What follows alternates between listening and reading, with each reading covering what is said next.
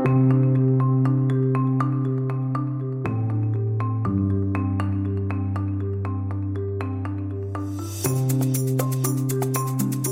en welkom bij Buiten de Krijtlijnen. Mijn naam is Rinke van Hoek en dit is uw podcast over onderwijs.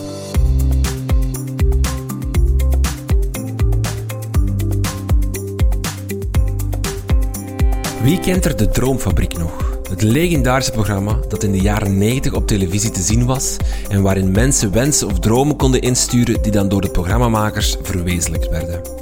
Dat laatste gaan wij niet doen, maar TeacherTap heeft wel gevraagd aan zijn respondenten hoe de school van hun dromen er zou uitzien.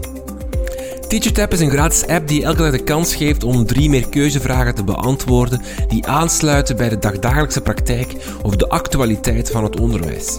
Stefanie van der Heren, onderzoeker bij TeacherTap en docent aan de Artevelde Hogeschool, pluisde alle wensen over jullie droomschool uit en bundelde de resultaten. Sluit je ogen, beeld je in dat je in de auto kruipt, op je fiets stapt of het openbaar vervoer beklimt, even onderweg bent en dan uitstapt, de hoek omwandelt en dan daar. Zie het al, van ver toont het zich aan jou. Jouw droomschool. Een uniek stukje genialiteit. En hoe die er concreet gaat uitzien, volgens de respondenten van TeacherTap, dat legt Stefanie aan ons uit.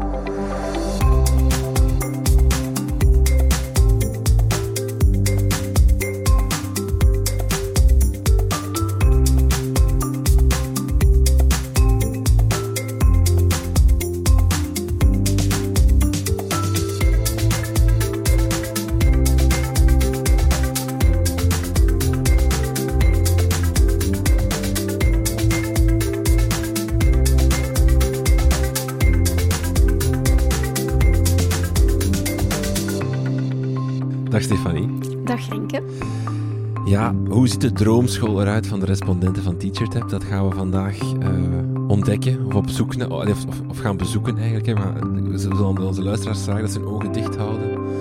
Tijdens deze uitzending kunnen ze het altijd voor zich zien. Um, jullie hebben uh, om even serieus te worden, een aantal vragen gesteld aan de um, respondenten van TeacherTap. Dat is ongeveer 1% van alle leerkrachten, of alle onderwijsmensen. Onderwijsmensen is een, uh, is een betere term, omdat er niet enkel leraren meedoen. Ja. Directies, zorg, voilà, coördinatoren voilà, en dergelijke. Um, en dat heeft geleid tot een rapport waarin jullie eigenlijk een beetje de resultaten daar rond verzamelen. Misschien heel even kort. Um, hoe zijn jullie te werk gegaan om eigenlijk de droomschool van de, leer, van de respondenten samen te stellen?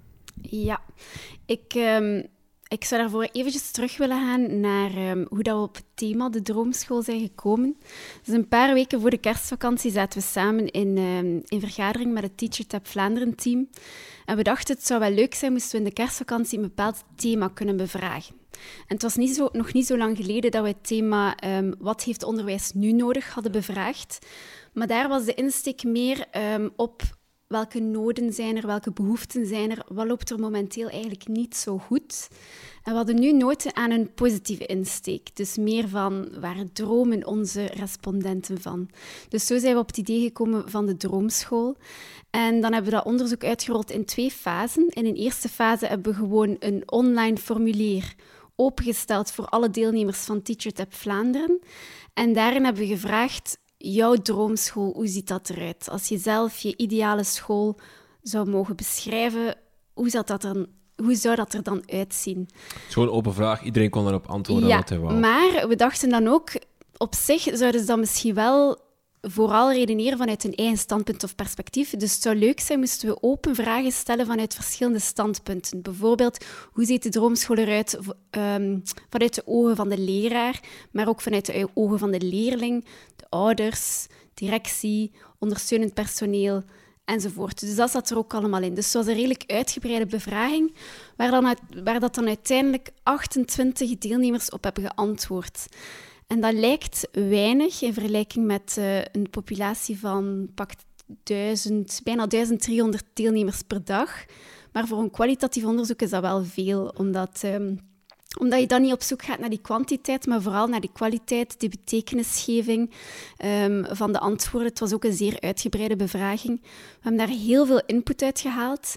En het was al meteen duidelijk dat je daar bepaalde categorieën uit kon halen. Sommige antwoorden leunden heel sterk aan bij het schoolgebouw, andere passen dan bij het team, andere dan bij het leslokaal. Dus op die manier hebben we zeven thema's of clusters uitgewerkt die we dan elke dag in de kerstvakantie bevraagd hebben. Dus dan zitten we in fase 2 van ons onderzoek. Dus die, ehm, die zeven categorieën of thema's werden bevraagd. En dan hebben we daar altijd bepaalde antwoordopties onder voorzien die we uit dat online formulier hebben gehaald. En de uh, deelnemers kregen wel de beperking dat ze maar maximum drie antwoorden mochten aanduiden. Dus je hebt van je kwalitatief onderzoek, dat was de start, en daar ben je dan kwantitatief mee aan de slag gegaan om eigenlijk toch die grote groep mensen die eigenlijk elke dag antwoorden, toch te betrekken uh, bij hoe die droomschool er moet uitzien. En dan hadden wij dagelijks uh, iets meer dan 1200 deelnemers aan die bevraging. Dus we hebben wel heel veel data binnengekregen. Mm Oké, we gaan even op wandel uh, naar onze droomschool. we komen toe en we staan op de speelplaats. Stel het je voor, wat zien we om ons heen? Wat we om ons heen zien is vooral groen. Dat is wel een antwoord dat er heel duidelijk uitkwam uit die bevraging rond het schoolgebouw. Um, en dat was enerzijds groen op de speelplaats, maar ook groen in de omgeving. Beide antwoorden waren zeer populair bij onze deelnemers kleuter, lager en secundair onderwijs. Um, er zat er wel een beetje verschil op. Dus vooral de deelnemers van basisonderwijs kozen meer voor de groene speelplaats. Enerzijds met een deel braakliggend terrein anderzijds, terwijl dat de um, deelnemers secundair onderwijs meer de groene omgeving hebben aangeduid. Ja, dat is vooral omdat in lager onderwijs men nog meer wil werken rond dat laat kinderen maar wat op onderzoek gaan, op dat bra braakliggend terrein, wat ontdekken. Ja, ik dacht, ja, op zich kunnen wij niet nagaan waarom dat die dat, wat de reden is waarom dat zij dat precies hebben aangeduid, of, of wat precies de reden is achter dat verschil. Maar je zou inderdaad kunnen zeggen, een braakliggend terrein, daar roept zoiets op, een verbeelding rond speeltuin, experimenteren, verkennen, en dan link je daar een jonge doelgroep aan. Terwijl de omgeving... Um, leerlingen secundair onderwijs gaan vaker de school verlaten. Bijvoorbeeld sommigen onder de middag gaan iets gaan eten rond de school. Uh, of s'avonds blijven ze een beetje rondhangen rond de school. Dus dan is dat ook heel aangenaam als er groen is in de omgeving omdat op basis van die antwoorden van de, van de deelnemers vroegen wij ons af hoe komt dat dat die noodzaak er is naar meer groen. En ik heb dan eens teruggekeken naar vragen die we al gesteld hebben in, uh, in TeacherTap. Ik ga het er even bijnemen. En we hadden al eens de vraag gesteld, hoe ziet de speelplaats eruit wat betreft bodembedekking? En toen had 53% van de deelnemers aangegeven voornamelijk beton en 40% een mix van beton en groen en maar 6%, 6 voornamelijk groen. Dus je merkt dat de, dat de speelplaatsen nog steeds voornamelijk gebetoneerd zijn. En dan was een vervolgvraag: wat zou je graag structureel veranderen aan het schoolgebouw waar je werkt? En daar werd meer groen gekozen voor 57 procent. Dus er is echt wel een vraag naar meer groen. En als ik teruggreep naar de antwoorden die uit die, dat online formulier kwamen bij die open vragen, had, er, had een bepaalde leerkrachten geschreven. Um, veel ruimte en groen zou veel conflicten vermijden. En ik dacht, ja, klopt dat wel? Meer groen, minder conflicten. En je zou kunnen denken van een grijze speelplaats, dat zorgt wel... Ja, kinderen hebben niet veel om handen daar, dat leidt tot verveling. En dan is de drempel naar pestgedrag of ruzie misschien wat lager. Maar natuurlijk ook in onderzoek. Um, er, gebeurt daar nu heel veel onderzoek rond, hè, rond. Wat is de impact van natuur op je geestelijke en lichamelijke gezondheid? Dat is een thema dat meer en meer naar de voorgrond komt. En sommige studies zeggen dat die impact heel groot is. Andere studies trekken dat in twijfel. Maar alleszins, het kan geen kwaad. En je weet ook, een groene speelplaats, en ik bedoel dat niet gewoon een droog grasterreintje, maar echt ook bomen, struiken, echt beplanting overal. Um, dat, leidt tot, dat lokt kinderen naar buiten. Dat zorgt voor afleiding, dat zorgt voor um, uitdaging. En ook in de zomer is dat interessant. Zorgt voor afkoeling um, enzovoort. En biedt ook mogelijkheden tot ervaringsgericht leren. Ja, want zo'n zo'n betonnen speelplaats, heel veel avontuur kan je daar niet echt beleven. Terwijl als je wat bomen, bos, struiken hebt, dan, dan ja. longt het avontuur al meer. Hè? Ja, en ik, ik weet op, op veel basisscholen dat ze inzetten op op het aanleggen van moestuintjes. En dat is wel heel leuk voor de kinderen om dan uh, misschien mee het beheer van de moestuin in handen te nemen. Um, of, of zo samen eens naar die moestuin te gaan en eens te kijken hoe plant je iets, hoe groeit dat, gaan we de evolutie opvolgen. Maar ook met al die zintuigen waarnemen. Hè. Hoe, hoe ziet het eruit, hoe voelt het, hoe ruikt het. Dat werkt altijd veel sterker dan als je gewoon in de klas een droge PowerPoint zou laten zien over de groei van de plant bijvoorbeeld. Dus dat biedt wel heel veel mogelijkheden. En ik denk dat, dat er echt veel scholen zijn die daar al op inzetten, die daar veel moeite voor doen om meer groen op scholen te krijgen. Maar zo het standaardbeeld van de speelplaats is zo nog altijd zo die grijze, gebetoneerde omgeving. Dus ik denk dat daar wel nog wat werk aan de winkel is. Binnen in de school komen we dan, hè, in het secundair onderwijs zien we heel veel werkplekken voor leerkrachten. Daar is... Ja, dus um, vooral um, deelnemers uit het secundair onderwijs hebben werkplekken aangeduid. Dat zagen we iets minder terugkomen bij het kleuteronderwijs, dat was 40 procent. Maar dat is nog altijd niet weinig. En bij lager ook, kleine 40 procent. Maar in het secundair onderwijs was 71 procent van onze deelnemers die daarvoor koos. En um, ja, de vraag is natuurlijk, is daar dan nood aan? Want wij vragen natuurlijk naar de droomschool. Waar word je warm van? Waar verlang je naar? Maar soms schuilt daar ook wel een duidelijke nood achter. En uh, uit die open vragen haalden we vooral dat er nood was aan een ruimte waar dat je ongestoord kon werken. Um, waar dat je dus zelf niet gestoord werd, maar ook aan ruimtes waar dat je in groepen kon werken zonder de anderen te storen. En um, ja, de verklaring waarom dat daar een verschil op zit, secundair onderwijs tegenover basisonderwijs, is volgens mij niet zo ver te zoeken.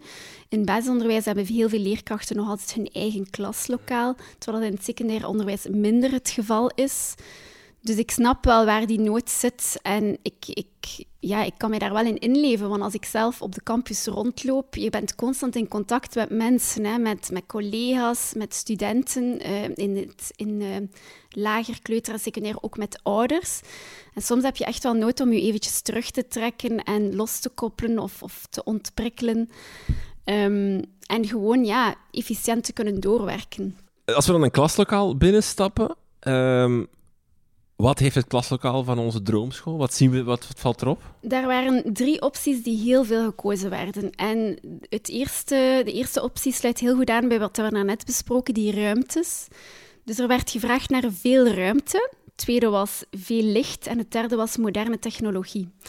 En die um, veel ruimte heb ik ook eens gekeken naar wat bedoelen ze daar dan mee. Hoe zou je die ruimte dan invullen? Dus dat is ook wat je daarnet aangaf. Ik, ik droom van zo'n multifunctionele ruimte. En ik zag in de antwoorden van de leraren opbergruimte, daar is nood aan. Maar ook werkhoeken. En iemand had zelfs geschreven een keuken in elke klas. Vond ik wel een leuk idee. en, um, maar vooral was er de vraag dat er naast plaats om te zitten ook plaats was om te bewegen. Ook vooral voor de, voor de leerlingen. En um, ik denk dat daar wel nood aan is, want in basisonderwijs wordt er nog steeds veel hoekenwerk gedaan. Mhm. Sowieso moet je plaats kunnen geven aan grotere lesgroepen, maar ook als je je coöperatieve werkvorm wilt gebruiken, als je wilt teamteachen, als je wilt differentiëren, is er toch echt wel nood aan een lokaal waar dat je mogelijkheden hebt om dingen in beweging te brengen, zonder dat je heel je lokaal op stelte moet zetten. ja, inderdaad. Dus ik snap wel dat daar, eh, dat daar ook een, mee een nood wordt uitgesproken. Is het ook bij in het secundair onderwijs een, een probleem, die ruimte? Het gebrek aan plaats? Ja, ik heb daar dus ook verder onderzoek rond gedaan. En daarin staat, in dat onderzoek staat dat er momenteel overbezetting en acuut, acuut plaatsgebrek in heel wat scholen voorkomt. Ja. Um, en er zijn ook effectief architectenbureaus die een scan van je school maken en dan in beeld brengen waar dat de onderbenutte ruimtes zitten. En ze noemen dat dan zwerfruimtes. Want er wordt in de eerste plaats gekeken van, is er effectief een plaatsgebrek? Of is het zo dat de ruimtes misschien niet efficiënt genoeg worden ingezet? Uh, licht. Ik kan me wel iets voorstellen natuurlijk inderdaad, dat het leuker is om les te geven in een lokaal het baat van het zonlicht. Um, is dat de enige reden? Dat, dat, net zoals je, dat, dat, dat mensen graag een huis hebben waar veel, veel licht binnenvalt. Hè, dat lichtinvallen bij, als je een huis gaat kopen, altijd, altijd de eerste vraag die gesteld wordt. Uh, is dat een beetje dezelfde reden die erachter zit? Ja, ik denk dat, dat veilig is om te stellen dat niemand van is van die duffe, donkere klaslokalen. Dus uh, dat er inderdaad misschien wel een, een soort van verlangen is naar lokalen met veel daglicht, in dat geval vooral. En, um, en het interessante is dat daglicht, dat daar ook veel effecten rond zijn onderzocht. Op, um, op leerlingen, op leerkrachten, gewoon op mensen in het algemeen. En het is zo dat daglicht de leerprestaties en het gedrag van leerlingen zou bevorderen. Dat lijkt ook logisch, want als, als je veel daglicht binnenkrijgt, dan ben je meer geconcentreerd, meer alert, minder slaperig. Het zou zelfs ons gelukshormoon triggeren. En er is geen enkel niveau van kunstlicht dat dat kan evenaren. Um, maar natuurlijk, de kanttekening daarbij is, het is niet de kwestie van zoveel mogelijk daglicht. Het gaat een beetje over hoe laat ik dat daglicht binnenkomen in mijn klas. Heb ik de mogelijkheden op, om verschillende momenten van de dag verduistering of zo te gebruiken uh, in een bepaalde mate. Maar daglicht alleen is niet voldoende. Je moet ook nadenken over de ventilatie in je, in lokaal of de binnentemperatuur in orde is op het lokaal. Dus dat zijn meer technische dingen, maar al die factoren moeten eigenlijk goed zitten om daar een positieve impact van te krijgen. Maar ik, ik, merk wel in de antwoorden van onze deelnemers dat veel licht een heel gewild, een heel gewild item is in de droomschool. Moderne technologie, wat verstaan we daaronder? Of wat wordt daar nu bedoeld? Gaat dat over uh, lessen, lessenaren met, met een ingebouwde iPad in? Uh, of, uh... Ja, dat is natuurlijk de vraag. Hoe hebben de, onze deelnemers dat ingevuld? Ja. Um, daar was ik ook wel zelf benieuwd naar. En dat weten we dus niet. Dat kan ik zal wel... ook sterk verschillen waarschijnlijk tussen, tussen de school waar de retroprojector nog in de hoek van, de, van, de, van, de, van het klas staat en inderdaad. de scholen waar dat er al digiborden hangen of zo. Ja, inderdaad. Ik denk dat daar inderdaad heel veel verschillen op zitten. En um, als ik kijk naar de antwoorden op de open vragen, dan zie ik vooral staan um, toegang tot de nieuwste technologieën is een vraag. En wat dat heel veel voorkwam in dat formulier was sterk internet, goed werkend internet, een goede internetverbinding. Ik dacht, mai, dat is toch ongelooflijk dat in, in toch een heel aantal scholen dat die internetverbinding zelfs nog niet goed zit. Hopelijk met die digisprong wordt daar echt wel op ingezet nu.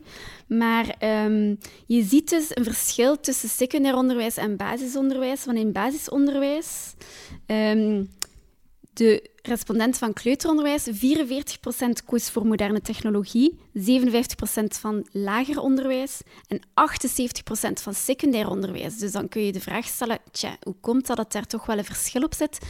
Zou die nood bij het secundair onderwijs dan hoger liggen en wat ligt er aan de basis? En je zou kunnen zeggen, bijvoorbeeld, een mogelijke hypothese is de pandemie, het inzetten op afstandsonderwijs. In het secundair onderwijs hebben ze daar iets meer rond moeten doen dan in het basisonderwijs, want die zijn ook grote delen um, van de tijd gesloten geweest. Maar daarnaast was ik ook zo eens aan het snuisteren in eerdere bevragingen van TeacherTap. En één vraag die we al gesteld hebben is liet technologie vandaag in de steek tijdens het werken voor school? en we hebben die vraag op een maandag gesteld. En 23% antwoordde ja, veel. 38% antwoordde ja, een beetje. 35% antwoordde nee en 3% heeft geen technologie gebruikt.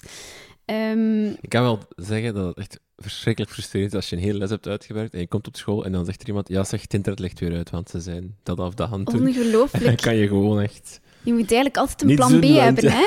Ja, ja, ja het is, dubbel werk, hè? Want je werkt dan online dingen uit of digitaal, maar dan moet je eigenlijk ook altijd een offline alternatief hebben. En... Um, bij die vraag liet technologie vandaag in de steek ben ik ook eens gaan kijken naar is er verschil tussen onderwijsniveaus. En bij het kleuter zei 38% een beetje tot veel. Bij lager onderwijs zei 35% een beetje tot veel. En bij secundair onderwijs 71% een beetje tot veel. Dus je merkt dat die nood daar misschien toch wat hoger ligt. Um, misschien zou je kunnen zeggen, ja, hoe komt dat eigenlijk? Is dat omdat basisonderwijs beter geëquipeerd is? Dat zou ik niet... Ik, weet het niet. Of misschien in het secundair onderwijs dat ze ook natuurlijk ICT-vakken hebben. Um, dat kan ook een mogelijke reden zijn. Maar we weten dus niet wat daar precies achter zit. uit onze data kunnen we dat alleszins niet hard maken. Hm. Maar als moderne technologie wil zeggen gewoon deftig werkend internet, dan denk ik dat die droom toch gewoon realiteit moet worden. Het is niet veel gevraagd, hè? ja, dat denk ik ook. Uh, de, de lessen. Um, die, dat klassikaal weet je hoe het eruit ziet, dan wordt daar een les gegeven. En wat ik heel mooi vond, aan de, de bevraging is eigenlijk wat dat de leerkrachten vooral willen dat er in die lessen gebeurt, dat er gewoon goed wordt lesgegeven. Voilà, zo simpel. Niet meer en niet minder. Ja? Dat is eigenlijk wel... Ja, dat is, dat is een item waarvan dat we een vermoeden hadden dat dat veel zou gekozen worden. En dat was ook zo op, uh, op de verschillende onderwijsniveaus. En um, in de, uit de open vragen kwam er vooral naar voren een, een ja, het moet een school zijn waar leerkrachten zich kunnen bezighouden met een kerntaak, het lesgeven. En dat hebben we dan daaraan gelinkt. En je merkt dat dat ook tegenwoordig een hot topic is. Hè. De kernopdracht van de leraar. De leraar is een duizendpoot. Die moet van alle markten thuis zijn. Um, Als er even ja, een sprongetje mag maken dan naar het stukje visie dat hierna komt. De visie van de school, daar werd ook naar gevraagd wat daar het droomideaal uh, ideaal zou zijn je zegt nu bezighouden met de kerntaak, maar in die visie vinden ze dan wel belangrijk dat um, de totale persoon van de leerling aan bod komt in de school. Dat, dat de totale leerling aan bod komt. Dat niet enkel gaat over um, leren, zal ik maar zeggen. Ook we willen een veilige sfeer. Dus dat ook daar, daar komt dan wel dat emotionele uh, bij gepaard, zal ik maar zeggen. Is dat een soort van contradictie ergens? Van enerzijds willen we als leerkrachten dat we dat we onze kern kunnen doen, inderdaad, lesgeven waar we voor zijn opgeleid, wat we graag doen en wat we goed kunnen doen. Anderzijds willen we wel ook niet lesgeven in een school die, die niet, geen aandacht heeft voor, voor dat andere, tot, of het totale menselijke beeld. Ja, ik denk dat de term, wat is goed lesgeven? Dat is eigenlijk de vraag. Of wat is de kerntaak van leerkrachten? Wat is de kerntaak, ja. En ik denk dat bij dat goed lesgeven, dat didactische zit daar natuurlijk in, dat inhoudelijke, maar ook heel sterk dat pedagogische, dat coachende.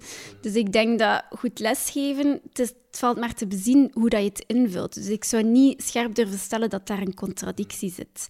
Want ik merk in de, de antwoorden die de respondenten geven dat, dat er heel veel gekeken wordt naar wat hebben leerlingen nodig Waar zijn zij bij gebaat? De visie van de school, hè, hoe dat de, de, de, school eigenlijk zichzelf profileert of, of, of uh, zijn onderwijs vormgeeft. Een veilige sfeer is daar uh, ook heel belangrijk bij. Ja, en daar wil ik dus nog iets over zeggen. Um, omdat, wat is dat, een veilige sfeer? Dat is moeilijk vast te grijpen. Hè? En uit de online formulier stond er vooral een veilige toevluchtsoord, een veilige sfeer met veel spreekkansen, een stimulerende omgeving waar kinderen veilig kunnen groeien. Ja, wat dan natuurlijk onze deelnemers hebben verstaan onder veilige sfeer op het moment dat ze dat hebben aangeduid, dat weten we niet. Maar dat biedt wel mogelijkheden om daar vervolgvragen over te stellen. Dat is het leuke aan dit onderzoek. Je leert daar veel van bij, maar je stelt ook weer nieuwe vragen. En dan weet je van, ja. oh, daar kan, wil ik wel eens dieper op ingaan. En voor mij, um, als ik terugkijk naar een bevraging die we eens gedaan hebben, de vraag was: wat wens je de leerlingen aan wie je les geeft in de eerste plaats toe? In de eerste plaats. Dus ze moesten kiezen. En het was een lijst van items waarvan ik zeg, maar de keuze is wel heel moeilijk. Er zit in een leuke schooltijd, mogelijkheden tot persoonsvorming, een veilige plek, goede cognitieve ontwikkeling, goede sociale ontwikkeling, geluk en gezondheid zat ertussen. En dat was ook het populairste, geluk en gezondheid, met 29 procent. Dus wat leerkrachten aan hun leerlingen toewensen als als ze maar één ding mogen kiezen, kiezen ze voor geluk en gezondheid. De meesten wel, van degenen die het ingevuld hebben. Dat waren er 1258. Maar die veilige plek stond op plaats 2 met 21 procent. Dus er wordt daar toch wel veel waarde aan gehecht. En dan denk ik, ik probeer dan ook altijd eens na te denken, wat is voor mij een veilige plek eh, op een school? Wanneer voel ik mij veilig? Want het gaat niet enkel over de leraar. Het gaat ook natuurlijk over alle personeel op school, maar ook um, de ouders, de leerlingen. Daar, dat wordt ook in rekening gebracht. En voor mij, je veilig voelen op een school is, is dat je jezelf kan zijn, dat je geen remmingen ervaart en dat je durft zeggen waar dat op staat, dat, dat er wederzijds respect is. Ik denk dat dat wel belangrijk is. Wat ook belangrijk is in die visie, uh, is dus de totale persoon van de leerling moet meest centraal staan, maar ook uh, duidelijke communicatie met alle betrokkenen. Juist, ja. Dat was, um, Dat was ook een populair item bij de drie verschillende onderwijsniveaus. En het is zo dat we daar eigenlijk nog niet zoveel onderzoek rond gedaan hebben. Het staat in, in, in die antwoordoptie staat er alle betrokkenen. Dus dat gaat over onderwijsmensen onderling, uh, leraren onderling, maar ook van directie naar leraren, van leraren naar directie. En ik zag al meteen een link met een volgend deel van onze bevraging, of een ander item in die bevraging, en dat is de nood aan transparantie over beslissingen. Ik vond dat die twee wel mooi samengingen, die duidelijke communicatie, maar ook die transparantie. En daar zag ik dan ook alweer een link in, maar dan zitten we bij organisatie, nee, bij schoolteam, dat er vertrouwen moet zijn in het team. Maar mag ik, mag ik ja. Daar, want het is natuurlijk altijd moeilijk in dit, bij deze vraag. Is, ik snap dat ze positieve insteek heeft, maar het is, het is misschien soms wat te gemakkelijk van mij om daar dan een negatieve insteek in te zoeken. Namelijk, vinden dan veel leerkrachten of onderwijsmensen dat er vaak niet goed genoeg duidelijk gecommuniceerd wordt op hun school? Of is dat iets voor verder onderzoek? Ik denk dat dat iets is voor verder onderzoek. Maar het is wel opvallend. Hè? Als je dan mag kiezen over visie van school, dan kan, snap ik inderdaad dat je het hebt over een veilige sfeer. Dat je het hebt over uh, hoe gaan we die leerling benaderen. Hè? Is dat enkel iemand is die we willen doen leren of is dat ook iemand die we willen vormen als mens? Die vragen snap ik. En dan heb je er eigenlijk bij van, maar graag ook duidelijk communiceren. Het is bijna, bijna te concreet of zo om als visie te bestempeld te worden. En toch komt het heel duidelijk naar voren. Ja, inderdaad. Het is, het is iets waar, waar veel leraren of, of onderwijsmensen in het algemeen blijkbaar van dromen.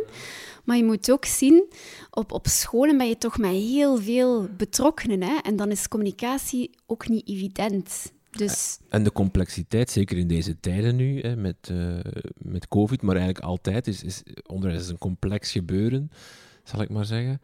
Uh, snap ik dat duidelijke communicatie ja, daar wel nodig is. Maar dat, ja, dat, dat, ik denk dat, dat iedereen zich daar misschien tot op een bepaald niveau aan kan uh, relateren. Bijvoorbeeld, ja, hoeveel kanalen wij nu tegenwoordig gebruiken om te communiceren met elkaar, dat is, dat is ongelooflijk. Bijna, je ziet bijna het bos door de bomen niet meer. Dus ik snap dat er daar ook wel een nood achter schuilt. Het lesaanbod. Um, hoe ziet dat eruit in onze droomschool? Um, ik neem aan dat er een sterk verschil, of ik weet dat, dat er een sterk verschil is tussen basis en secundair in dat lesaanbod. Dat was een item dat inderdaad meer in het secundair onderwijs werd uh, gekozen.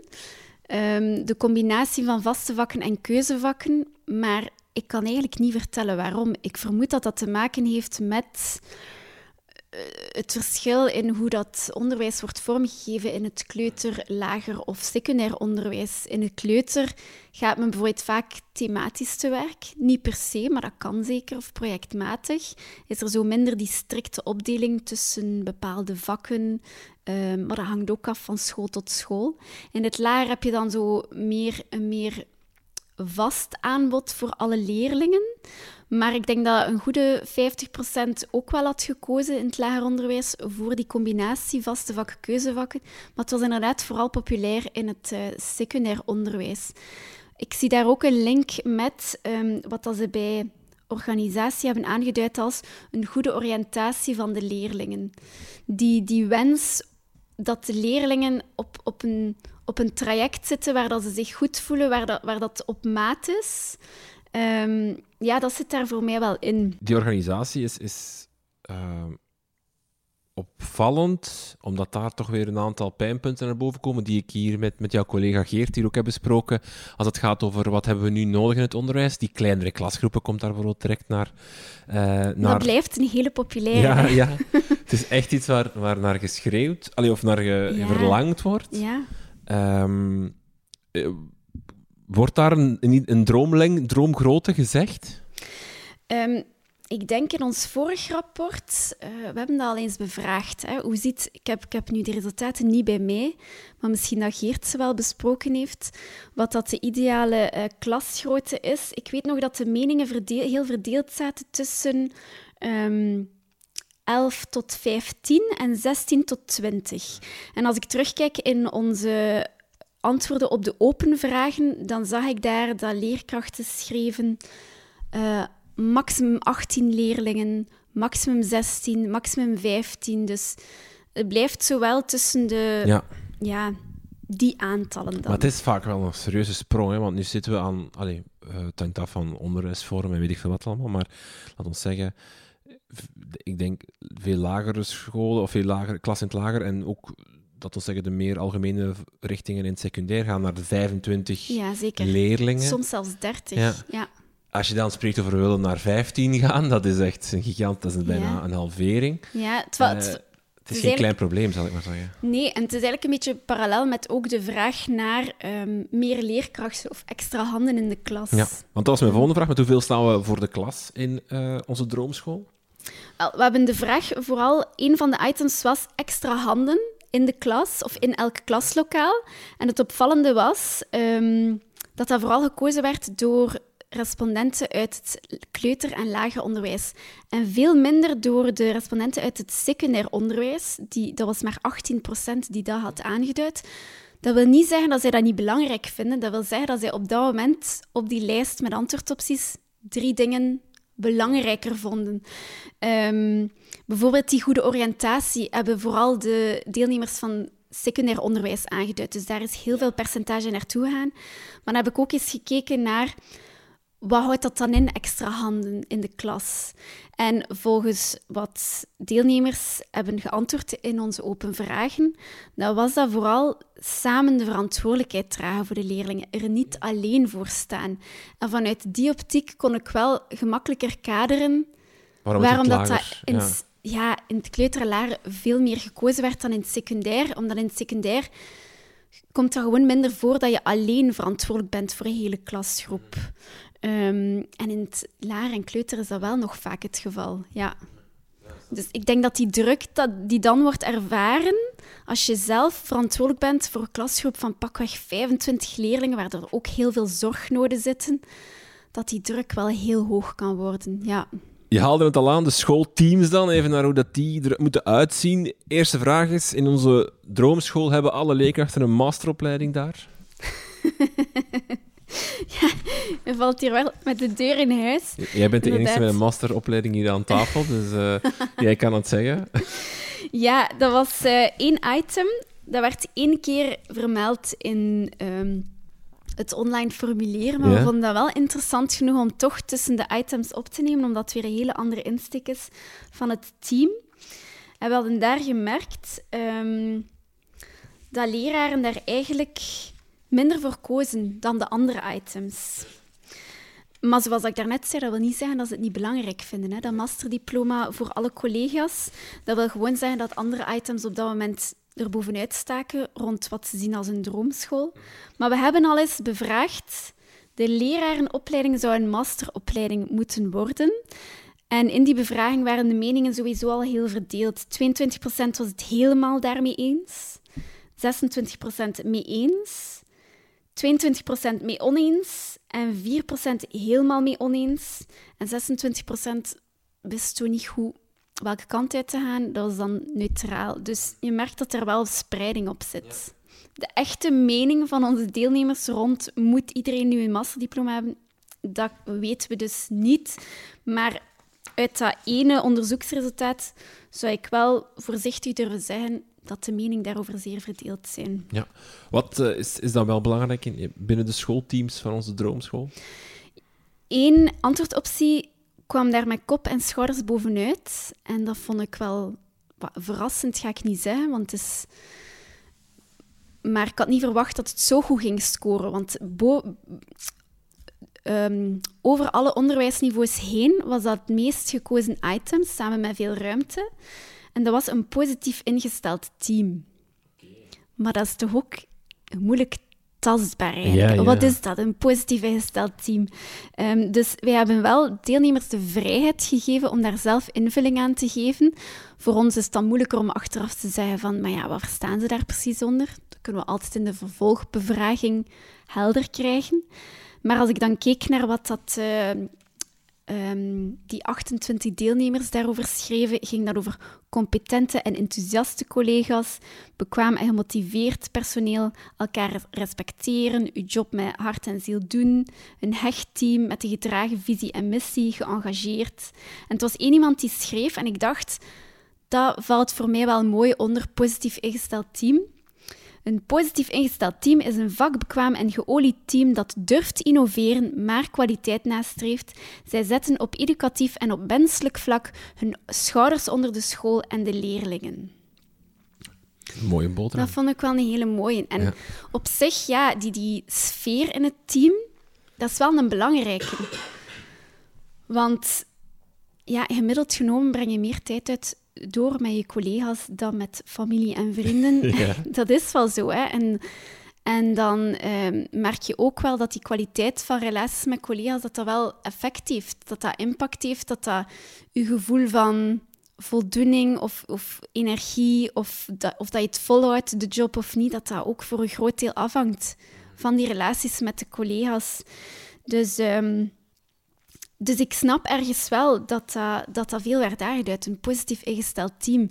We hadden dat gelinkt aan een, uh, aan een begrip dat in de literatuur veel voorkomt, de collective teacher efficacy. Mm -hmm. uh, zegt u dat iets? Dat zegt mij iets, ja. Maar oh, oh, dat vraag me nu niet om uit te leggen, want het collectieve zelfvertrouwen van de groep, mag ik het zo? Dat zit er, ja, dat zit er eigenlijk wel ook mooi onder. Ja, ja, dat is mooi gezegd. Het gaat eigenlijk over een soort van uh, gedeelde overtuiging. Ja dat, je als, als team samen, als je samen je schouders zet onder iets, dat, dat, je, dat je samen gaat voor die onderwijskwaliteit, als je samen die collectieve actie onderneemt, dat dat effect heeft op de resultaten van alle leerlingen.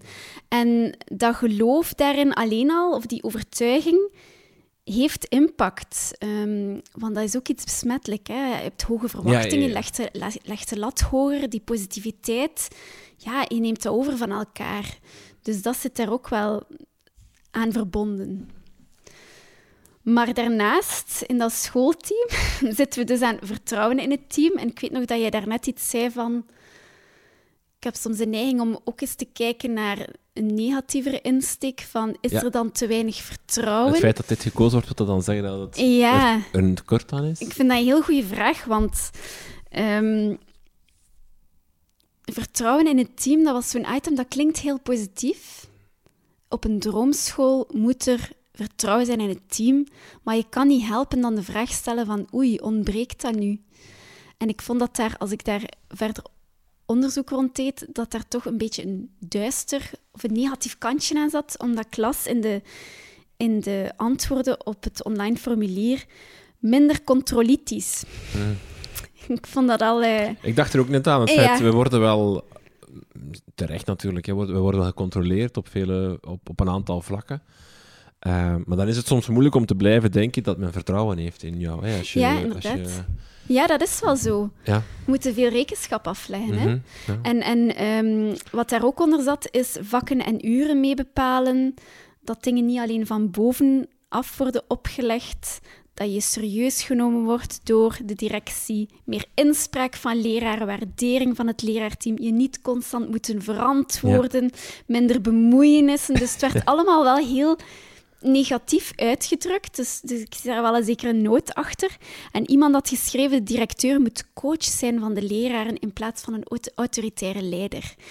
Ik denk dan van ja, op veel scholen zal daar wel al iets mee gebeuren. En, en, maar er is daar toch wel bij onze deelnemers werd er toch wel nog een nood aan uitgesproken. En het is zoals dat je zegt, tegenwoordig moet je inderdaad heel veel verantwoording afleggen.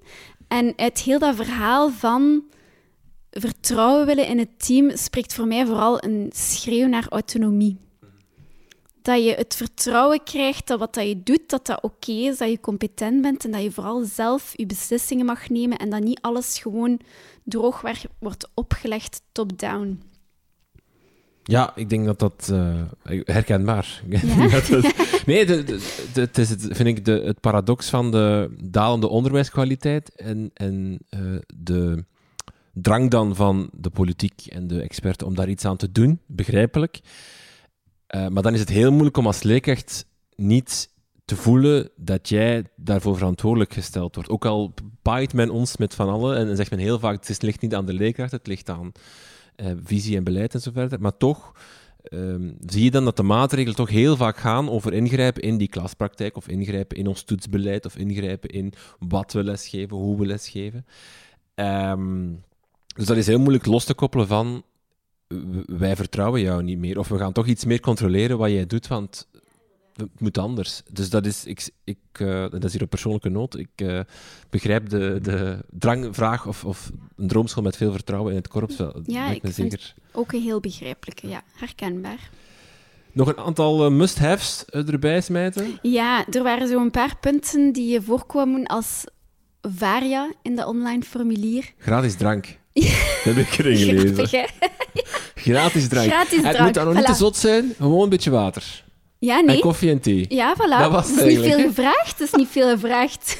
Dat is misschien... Want, nee, dat is mijn conclusie voor straks. De- Ja. Dus eh, gratis drank, koffie en thee, dat, willen, eh, dat, moet, Ja. dat moet aanwezig zijn in de Ik denk- droomschool. Ik denk dat vooral het woord gratis daar een belangrijke in is. Omdat we welke al school is dat niet? Dat het niet gratis gratis koffie en thee en drank kunt krijgen. We hadden al eens bevraagd van, Allee, bieden jullie op school warme dranken aan? En dan was er een lijst, koffie, thee enzovoort. Meningen waren inderdaad daar ook een beetje verdeeld, maar op de meeste scholen bieden ze wel koffie of thee aan. Niet, Ehm, te, niet te drinken koffie, dat moet, maar dat moet zo, dat is traditie. Ja, En geen, geen eh, cappuccino, maar, maar er is toch meestal gratis koffie? ja, waarschijnlijk. Allee, zeg. Ehm, we hebben wel niet doorgevraagd, is het betalend of niet, maar Ja. toch valt het dan op dat dat moet iedereen echt een vraag vanaf, worden. vanaf dat het woord gratis erbij staat, dat iedereen daar massaal voor, voor stemt dan, voor Ah, die ja. optie. Ja. Een bibliotheek, dat willen we ook. Ja, ehm, we hebben al eens de vraag gesteld: is er op jouw school een bibliotheek? 62% van kleuteronderwijs had nee gezegd, 50% van lager ook nee en 39% van secundair ook nee. Mhm. Dus er zijn nog heel wat scholen met geen bibliotheek. Ehm, maar ik denk dat ook wat in die vraag stond, was een bibliotheek die ten alle tijde open is. Ja, ja, ja, ik denk dat elke school wel een bibliotheek moet hebben. En ook die toegankelijk is, op, op, ook op uren, op de Hm. latere uren of zo. Dat, ik denk dat dat zeker een meerwaarde kan zijn. Eh, en de laatste must-have, dat, dat, als ik juist ben, leerlingen die actief sociale, die mee kunnen doen aan sociale projecten. Ja. Ehm, ja, dat sociaal engagement en die schoolmuren eh, doorbreken. Dat was een item dat populair was bij de drie onderwijsniveaus. Dat zegt niks over hoe dat op dit moment is. Hè. Dat wil niet per se zeggen dat op dit moment geen sociale projecten worden gedaan. Dat wil meer zeggen dat op de droomschool, dat daar echt actief aan wordt deelgenomen aan die sociale projecten.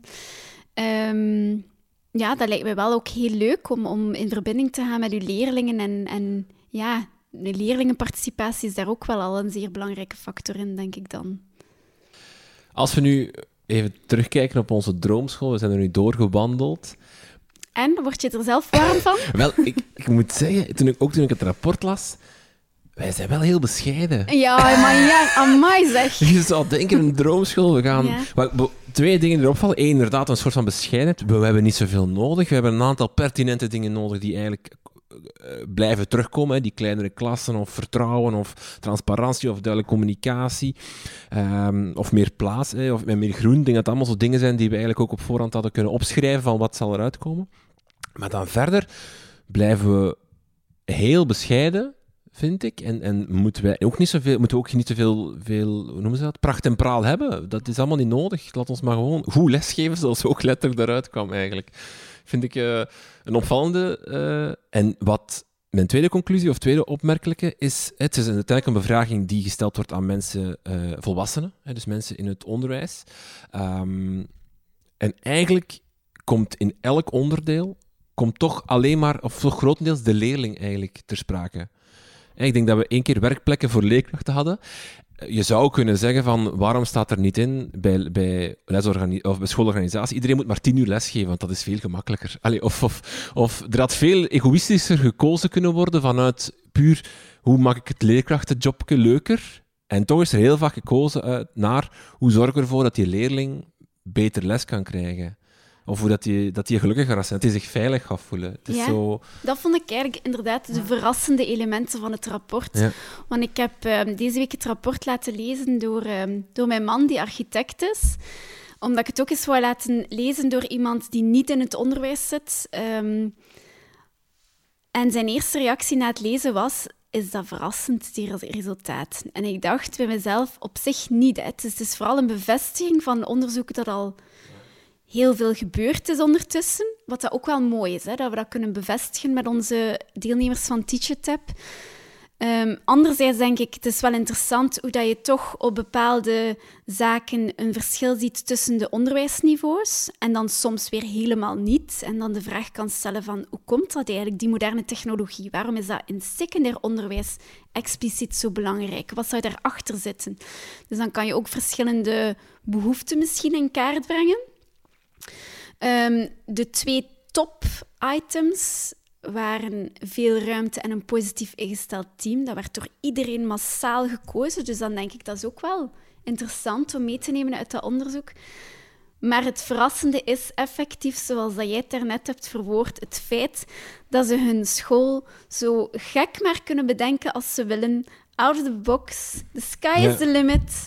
En dat ze toch voor heel basis basic dingen kiezen. een, een, fijne leeromgeving en een fijne leefomgeving. Dat komt daar heel sterk in naar voren. Natuurlijk hebben we ons gebaseerd op die online bevraging. We hebben niet zelf zotte items bedacht of uit onderzoek genomen. We hebben echt de items zelf bevraagd aan de respondenten en daar eh, hebben we dan mee verder gewerkt. Dus natuurlijk, onze deelnemers hadden dan ook maar die beperkte keuze van de lijst die wij hen aanboden. Maar ze komt wel uit leerkrachten. Hè? Ja, dus op voilà. zich heb je aan 28 leerkrachten gevraagd. Verzin uw zotte school of uw droomschool. En dan nog zie je dat die zeer sober en zeer altruïstisch is naar voilà. En ook dat altruïstisch, inderdaad. Omdat je merkt, ze willen echt wel het beste voor hun leerlingen. En als ze items kiezen, gaan ze als, als, als ik dat kan afleiden uit de antwoorden, merk je dat ze veel voor items kiezen die vooral hun leerlingen te goede komen en niet per se hunzelf. Ze gaan daar zelf ook wel profijt uit halen, maar het is vooral die leerlingen. En ik vind dat dat weer zo iets heel moois zegt over de onderwijsmens. Ja, ik, ik word daar heel warm van, van de onderwijsmensen. Ik weet niet of dat opvalt, maar, maar ja, dat lerarenberoep momenteel we hebben daar trouwens ook een vraag over gesteld. De stelling: het onderwijs moet vaker positief in beeld gebracht worden in de media. En daar hadden we 91% die akkoord ging met die stelling. Dus er is wel echt de vraag om, om, om het lerarenberoep aantrekkelijker te maken, om, om te werken aan die positieve beeldvorming. En dat was ook een beetje onze betrachting vanuit het rapport van mijn droomschool. En nu is de vraag van, ja, die droomscholen, die zijn niet onrealistisch. We hebben gewoon die investering daarvoor nodig, want het staat echt niet zo ver af als we mm. daar samen onze schouders onder zetten. Mm. Laten we hopen dat we met, deze, met dit gesprek daar een beetje aan bijgedragen hebben, aan die positieve beeldvorming van... Ja, uh, spread the word. Voilà. Stefanie van der Heren, heel veel dank voor dit gesprek. Dank je wel om mij uit te nodigen.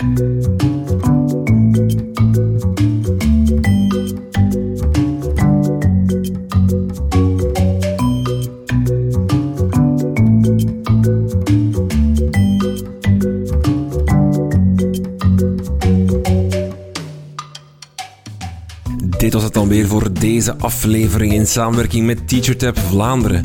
TeacherTap is een initiatief van de Artevelde Hogeschool. Meer info over deze app en dit initiatief vind je op www.deleraardenkt.be. Wil je zelf ook meedoen aan TeacherTap? Ga dan naar de App Store op je smartphone en download snel die app. En wie weet ben je nog op tijd om de drie vragen van de dag te beantwoorden. Blijf ook op de hoogte van onze nieuwe plannen en nieuwe afleveringen via Twitter, Facebook of Instagram. Een lijst van al onze voorgaande afleveringen vind je op www.dekrijtlijnen.be. Ook u kan helpen om deze podcast beter te maken en te ondersteunen. Dat doe je door vriend van de show te worden. Via onze website kan je vriend van de show worden en een donatie doen. Dat kan een eenmalige donatie zijn of ook op maandelijkse basis. Dan doneer je 2,5 euro per maand. Surf dus naar www.dekrijtlijnen.be en haal even die bankkaart boven en steun ons. Je krijgt dan ook toegang tot exclusieve bonusafleveringen. Dank voor het luisteren en tot de volgende.